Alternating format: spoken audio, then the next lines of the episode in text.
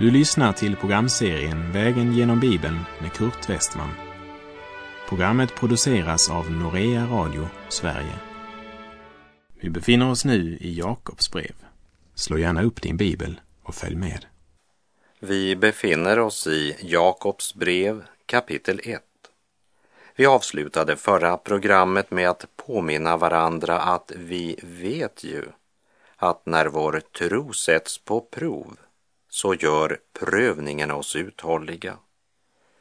Så låt oss då mitt i våra prövningar hålla fast vid Gud och hans ord och bedja i tro utan att tvivla. För den som tvivlar liknar havets våg som drivs och piskas av vinden, säger Jakob. Och vi fortsätter och läser vidare Jakobs brev kapitel 1, vers 7 och 8. En sådan människa ska inte tänka sig att hon kan få något av Gud, splittrad som hon är och ostadig på alla sina vägar. Bönhörelsen sker inte efter mänsklig förtjänst, men det handlar om att lita mera på att Gud håller sina löften än på våra egna möjligheter att lösa våra problem. Abraham och Sara hade fått löfte om en son, men uppfyllelsen, den dröjde så länge att det mänskligt sett såg ut som om det skulle bli för sent. Då försökte de hjälpa Gud genom att själva ordna bönesvaret, som vi minns från vår vandring genom Första Moseboks sextonde kapitel. När Gud hade sagt till Abraham i kapitel 15 att en som utgick från Abrahams eget liv skulle ärva honom, så står det Abraham trodde på Herren. Men att tro Guds löfte är en sak. Att vänta på uppfyllelsen är verkligen något annat. Det är så lätt att söka egna utvägar när Guds ord säger en sak men alla yttre omständigheter tycks säga något annat. Vår tro blir alltför lätt påverkad av de yttre förhållanden som omger oss. Och när det ser omöjligt ut så börjar tvivlens moln att skymma trons sol och så söker vi egna utvägar, egna lösningar på våra problem. Men när vi söker egna utvägar kan Gud inte ge oss sin lösning. Därför är det viktigt att vi blir påminda om att förtrösta på Gud, räkna med Gud, istället för att låta yttre förhållanden styra vår tro. När problemen blir stora som berg, då viskar otron till vårt hjärta. Här är det omöjligt att komma fram. Var realistisk. Ge upp. Tron säger, jag vet inte riktigt hur det ska gå till, men jag vänder mig till honom som har skapat både mig och berget. Visa mig, Herre, vad du har tänkt göra. I Markus 11, vers 22 och 23 säger Jesus, tro på Gud. Amen säger jag er. Om någon säger till detta berg, lyft dig och kasta dig i havet och inte tvivlar i sitt hjärta utan tror att det han säger skall ske, då skall det ske. Den troende behöver inte bokstavligen kasta berg runt omkring sig. Men han behöver kraft till att leva och möta alla berg av svårigheter och problem som är så stora att det mänskligt sett är omöjligt. Därmed har jag inte sagt att Jesus också menar det bokstavligen. Men initiativet ligger alltid hos Gud. Om Gud uppenbarar för mig att det är ett berg han önskar flytta, så ska jag tro att han vill göra det, hur omöjligt det än ser ut. Men det handlar djupast sett om att tro mera på vad Gud har sagt än på de yttre omständigheter. Det är därför Paulus säger i Efeserbrevet 3.16 Jag beder att han på ett sätt som svarar mot hans rika härlighet ska ge er styrka till den invärtes människan genom sin ande. Inte bed för mig att jag ska kunna flytta Sälenfjället. Jag kan inte se poänget med att flytta det berg eller fjäll som Gud både har skapat och också placerat i sin visdom. Jag önskar i alla fall inte placera Sälenfjället i havet. Men jag säger rakt ut att jag önskar bli styrkt i min invärtes människa genom Guds helige ande. Det finns ting som är större än att flytta på berg. Det som det hela handlar om och som jag tror Herren gör genom sin undervisning är att han ger dem denna visuella illustration för att få dem att ana vilken kolossal makt och kraft som finns i bönen. Det är samma sak Jakob säger oss. Vi ska inte låta yttre omständigheter splittra vår tro. Tro på Gud, förtrösta på Gud, räkna med Gud. Låt det inte kastas hit och dit av alla livets vindar. Ett Guds barn låter sig inte styras av tidens vindar eller av det som ser omöjligt ut. Han vänder sig till Gud hur än det ser ut. För det är inte det synliga som styr hans tro. Vi riktar inte blicken mot det synliga utan mot det osynliga. Ty det synliga är förgängligt, men det osynliga är evigt, skriver Paulus i Andra Korinthierbrevet 4.18. Löftena kunna ej svika, nej, det står evigt kvar.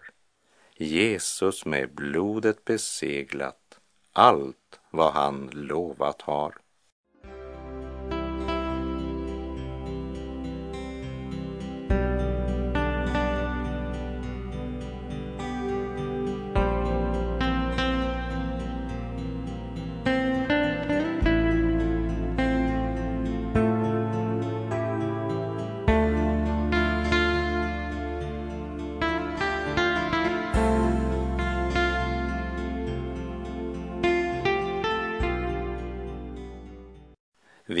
Läser i Jakobs brev kapitel 1, vers 9 och 10.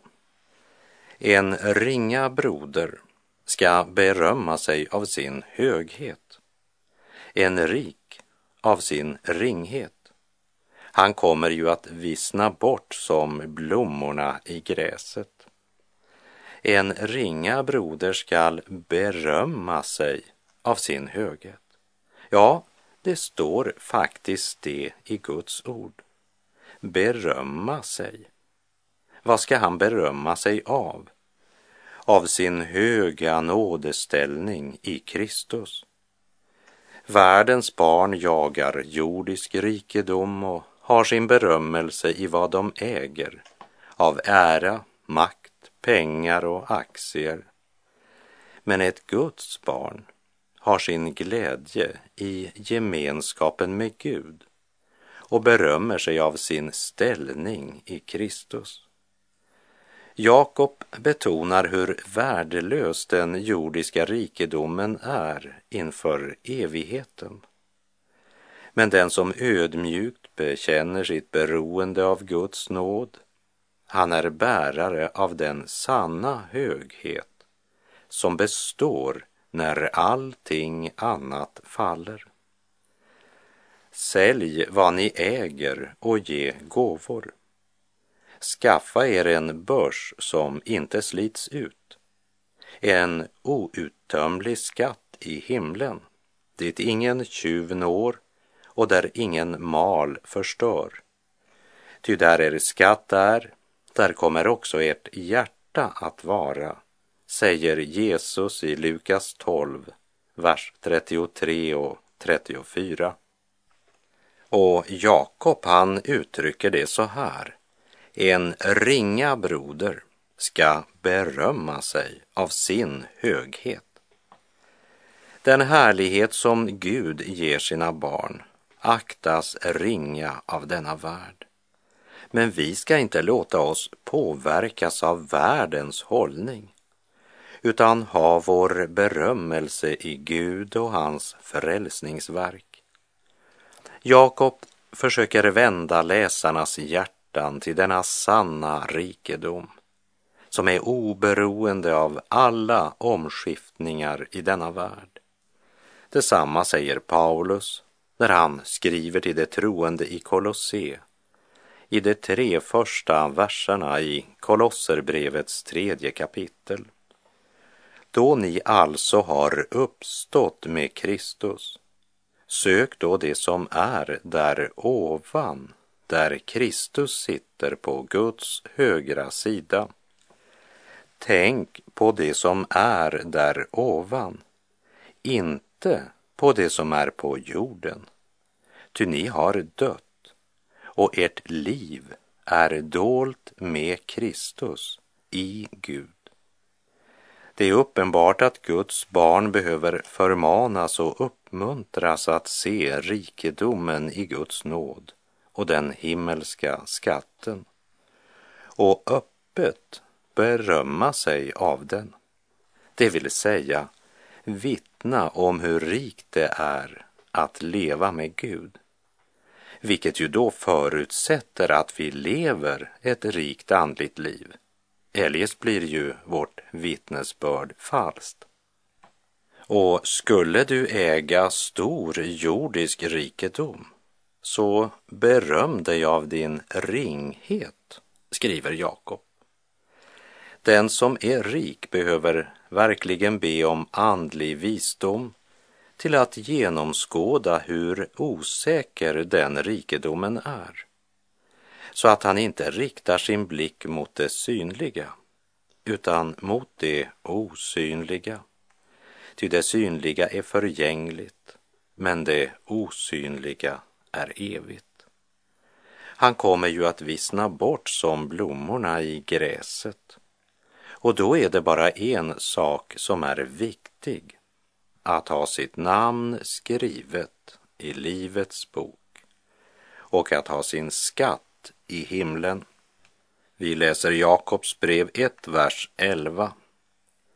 Solen går upp med sin brännande hetta och sveder gräset så att dess blommor faller av och dess skönhet förgår. Så skall också den rike vissna bort mitt i sin strävan.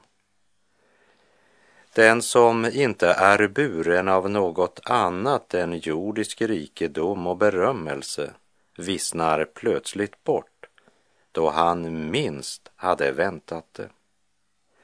Precis som när torkan kommer och solen inte tar hänsyn till hur vacker en blomma är utan får allt att förvissna.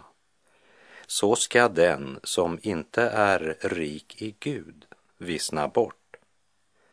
Den första saltarsalmen säger att den som inte vandrar i ogudaktigas råd och inte går på syndares väg, han är salig och han är som ett träd planterat vid vattenbäckar som bär frukt i sin tid och vars löv inte vissnar. En god och härlig bild på pånyttfödelsens under. Men det finns en sorglig kontrast till på nyttfödelsen och det är den som är rik i sig själv och allt han menar sig äga här i denna värld av rikedom, berömmelse eller personlig förmåga. Om en sådan säger Jakob, att solen går upp med sin brännande hetta och sveder gräset så att dess blomster faller av och dess skönhet förgår. Så skall också den rike vissna bort mitt i sin strävan. Den glans som han berömt sig av under en kort tid och som imponerade så många slocknade plötsligt och överraskande. Medan den prövade själ som kanske inte alltid förstod Herrens tuktan och alla prövningar i livet nu visar sig äga en evig höghet. Livets krona som nu strålar med gudomlig glans. Vi läser Jakob 1, vers 12. Salig är den som håller ut i prövningen. Ty när han har bestått sitt prov skall han få livets krona som Gud har lovat dem som älskar honom. Frestelser, tuktan och prövningar hade det varit många av. Men i allt detta förblev han hos Gud. Han höll ut i prövningen. Han bestod provet. Och den Gud som lovat honom livets krona kommer inte att svika sitt löfte. Den som förblir hos Gud skall få erfara att Gud kommer att ge honom det han har lovat. Gud är trofast, så göds sången från Guds folk i forna dagar. Samma sång från tid förgången tonar ännu lika klar. Salig är den som håller ut i prövningen, ty när han har bestått sitt prov skall han få livets krona som Gud har lovat dem som älskar honom.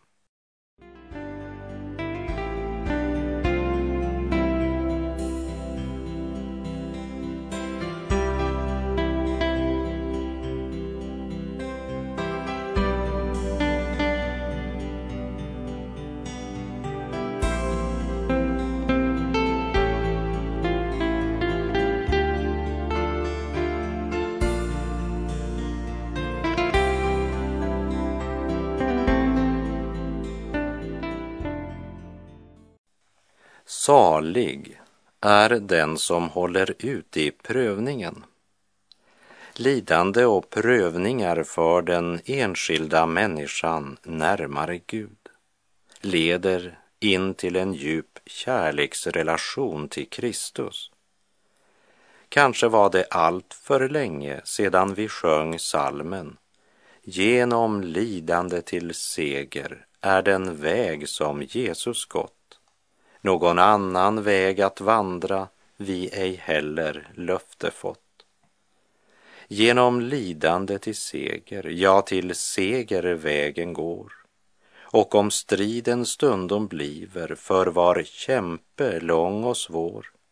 Jesus segrade i döden, Israel vann löftets land och det frälsta sälla skara vandrat genom storm och brand.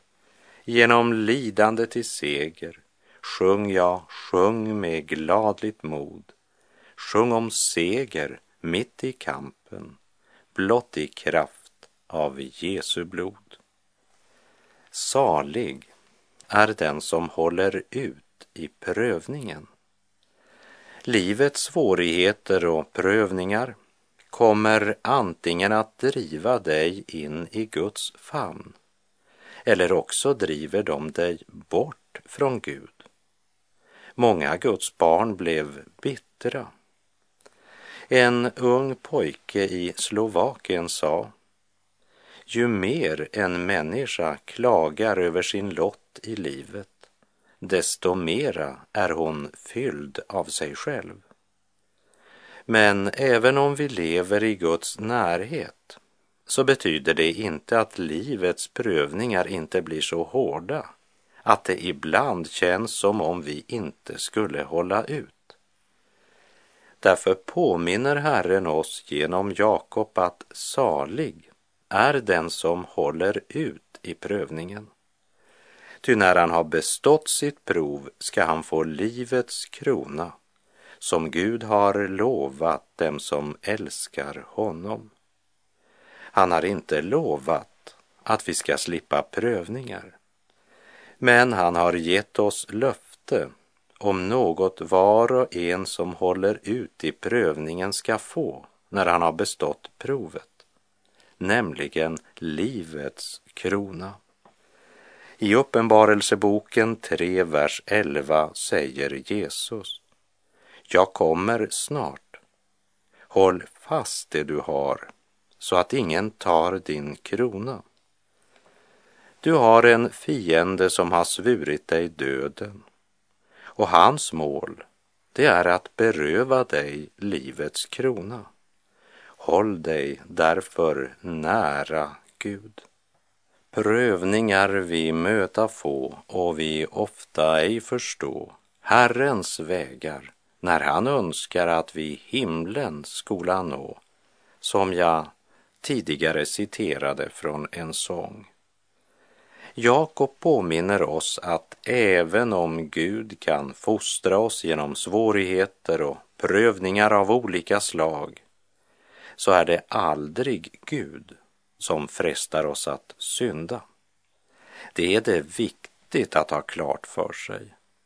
För jag har hört många säga att det var Herren som prövade dem, när det inte alls var Herren.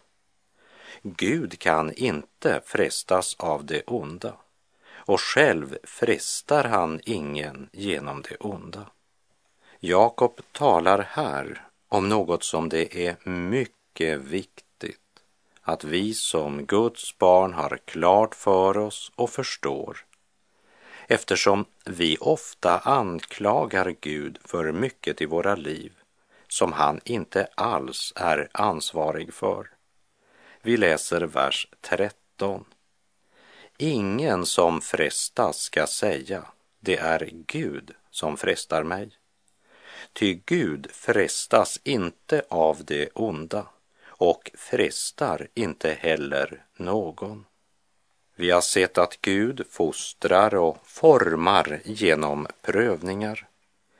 Men nu vill Jakob göra det klart för oss att Gud aldrig prövar oss genom att fresta oss att synda.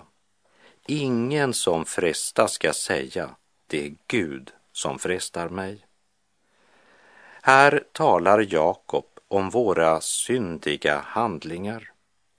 Människan har så lätt för att ge Gud skulden för alla sina egna felsteg och misstag. Så har det varit helt sedan syndafallet. Ett halvt erkännande. Jo, jo visst gjorde jag fel, men... Och så skyller vi på andra. Adam sa, kvinnan som du har satt vid min sida hon gav mig att trädet och jag åt. Hade inte Gud satt henne vid min sida? Och hade inte hon gett mig av trädets frukt? Han framställer sig själv närmast som ett offer för olyckliga omständigheter. Det är ju inte mitt fel. Och Eva handlade på samma sätt när hon säger ormen bedrog mig så att jag åt. Båda försöker lägga skulden på andra. Hade det inte varit för den eller den personen, hade det inte varit för den eller den situationen så hade jag aldrig gjort det. När vi frestas ska vi varken skylla på Gud, på andra människor eller på omständigheterna om vi faller i synd utan erkänna att det är vårt eget syndiga hjärta som är problemet. En annan sak är att Gud tillåter att vi frestas, men det är inte han som frestar oss. I Andra Samuelsboken kapitel 24 och vers 1 läser vi Åter upptändes Herrens vrede mot Israel så att han äggade upp David mot dem och sade gå och räkna Israel och Juda. Och det var synd. Israel skulle inte räkna sin här utan ha sin styrka i Herren alena. Och då säger någon, ja men det var ju Herren som uppeggade honom. Men för att förstå skriftens vittnesbörd måste vi höra hela sammanhanget. I Andra Samuelsboken får vi händelsen återgivet från människans synvinkel. Och i människans ögon såg det ut som det var Gud som var förargad på Israel och helt enkelt fick David att göra detta.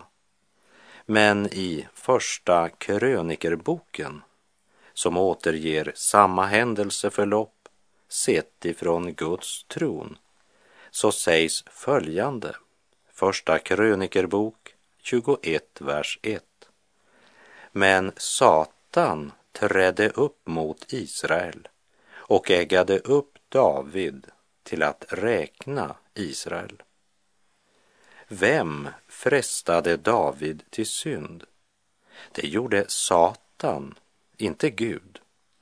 Men Gud tillät detta eftersom han var vred på Israel på grund av alla deras synder. Synd föder synd. Var och en som frestas dras och lockas av sitt eget begär. När så begäret har blivit havande föder det synd. Och när synden är fullmogen föder den död. Bedra inte er själva, mina älskade bröder. Och med det så är vår tid ute för den här gången. Vi vet ju att när vår tro sätts på prov så gör prövningen oss uthålliga. Så låt oss mitt i våra prövningar hålla fast vid Guds ord och bedja i tro utan att tvivla. Och så erkänna att det är vårt eget begär som drar och lockar oss. Och komma ihåg att om vi bekänner våra synder så är han trofast och rättfärdig så att han förlåter oss våra synder och renar oss från all orättfärdighet. Herren vare med dig. Må hans välsignelse vila över dig. Gud är god.